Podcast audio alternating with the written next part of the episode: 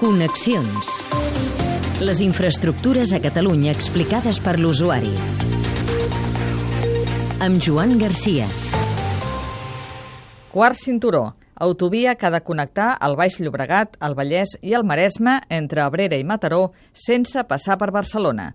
El 2010 es van inaugurar els trams Abrera-Olesa i Vila de Cavalls Terrassa. El Ministeri de Foment va prometre tenir acabat el tram Olesa-Vila de Cavalls l'octubre del 2019. Som en un dels accessos al quart cinturó amb en David eh, Garrofer, director general de la SECOT i membre de l'entitat Fem Vallès. Uh, David, on som exactament i per què ens hi ha portat? Justament amb una cruïlla que ens connectaria a la B40 amb Rellinars i amb l'entrada nord de la ciutat. He parat aquí perquè jo crec que expressa bastant bé eh, què és aquesta infraestructura. És una infraestructura de, de llarg eh, abast i que alhora, des del territori, el que pretenem, i des de Fem Vallès, de la patronal Secot, que serveixi d'interconnector amb el territori. És una de les víctimes de la crisi econòmica, podríem dir, quart cinturó?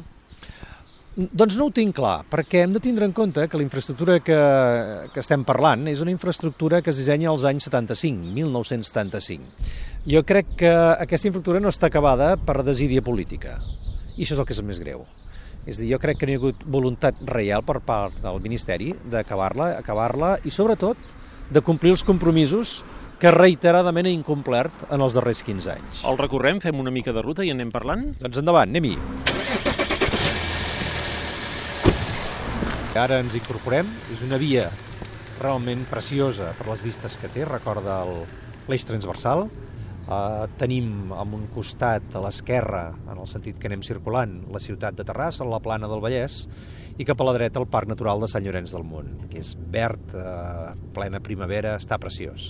Per què us ha servit tenir aquest tram? És un tastet, quasi bé. De moment, l'únic que ens serveix és per connectar la ciutat de Terrassa amb la zona nord i amb Vila de Cavalls i per tant la funcionalitat per la que ha estat dissenyat encara no en podem treure el suc però eh, realment descongestiona sobretot el que és la població de Mata de Pere i al nord de la ciutat de Terrassa eh, per no entrar pel centre de la ciutat o altres vies o avingudes que connectaven amb la zona sud, direcció Rubí i Sabadell. Serveix per connectar, per exemple, amb la C16 i la C58 eh, cap a Manresa? Doncs eh, és complicat, els enllaços no estan fets i el que és més greu en el seu dia, eh, per aquella idea d'avinguda de, de gran capacitat internacional, el Ministeri va dissenyar poca connexió amb el territori. I aquest justament va ser un dels defectes que jo crec que el Ministeri va, va cometre, és a dir, no consultar el territori. I tu no pots fer infraestructures d'aquesta envergadura sense eh, diguem-ne, la complicitat del territori, de les entitats, eh, de les institucions, de la gent que viu i trepitja el territori, perquè llavors se't giren d'esquena, que és el que va passar. I durant molts anys aquesta infraestructura va ser recorreguda jurídicament per entitats eh, mediambientals que amb, amb les seves raons doncs entenien que eh, trepitjava malament, estava mal posicionat aquesta infraestructura en el territori. El Ministeri de Foment ha promès una data, octubre del 19, per tenir acabat el tram Olesa-Vila de Cavalls. Se'n refien? Doncs no. I és trist.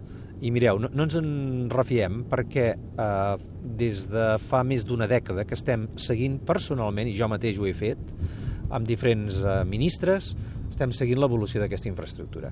I aquesta infraestructura ens han canviat la data de finalització potser cinc vegades. El que és realment preocupant és que cada ministre que tenim una reunió ens jura i perjura de que ell és seriós, de que ell ho acabarà, fins que trepitgem territori, fins que parlem amb els industrials, fins que, en fi, observem què està passant i veiem que allò, en el termini que ens prometen, és impossible que passi. 1.000 metres sortir de Vila de Cavalls, per tant ja està, hi hauríem arribat, s'ha acabat. Ja s'ha acabat. Quan arribem aquí ja hem fet la feina. És a dir, no podem anar més enllà amb aquesta via.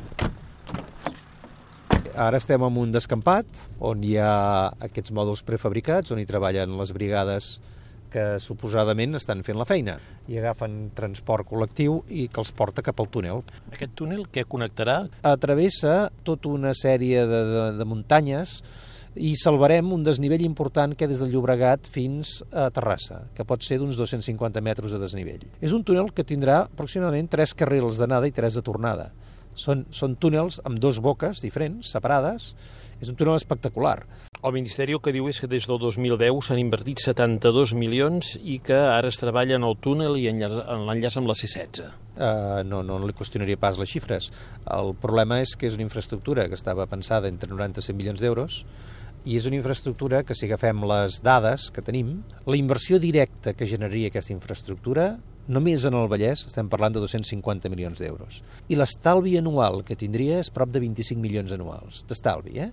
Això vol dir que hi ha 6.700 tonelades de CO2 que deixaríem d'evitar, menys accidents eh, de tràfic de circulació, perquè ara actualment van per unes carreteretes, diguem-ne, molt precàries, a l'estalvi del temps de la gent desplaçar-se del Vallès al Baix Llobregat es reduirien d'una forma considerable i tot això, quan ho sumem, dona aquest estalvi de 25 milions. Per tant, si la infraestructura en costava 100 i, en, i cada any n'estalvirem 25, en 4 anys això està amortitzat.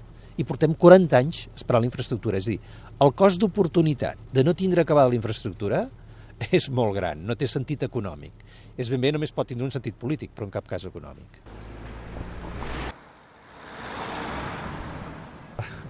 Quan es va fer l'E9, l'autopista que anava a Manresa, resulta que eh, hi havia un famer, el famós famer del Fava, que era molt conegut per la gent gran de la ciutat de Terrassa, que quan deien que una habitació o una casa estava bruta, estava deixada, està pitjor que el famer del Fava. Bé, doncs aquest famer del Fava, quan es va fer l'E9, doncs com que feia nosa, que estava mig del traçat, unes màquines el van desplaçar. Per això no es va informar, no estava escrit en lloc. I ara, mentre feien la B40 i estudiaven les connexions i els traçats, quan s'han posat a rascar el terra, de cop i volta els surt el famer del Fava, que està aquí al mig, i que no estava previst ni dibuixat. Clar, això què vol dir? Que ara ja no es pot fer com es feia fa 40 anys, que és tornar-lo a desplaçar en un altre lloc, sinó que el que s'ha de fer és registrar i s'ha de reciclar aquest material, s'ha de recondicionar el territori, i no acaba aquí només el tema del famer del Fava, si hem de tindre en compte que estem passant per una zona geològicament interessant.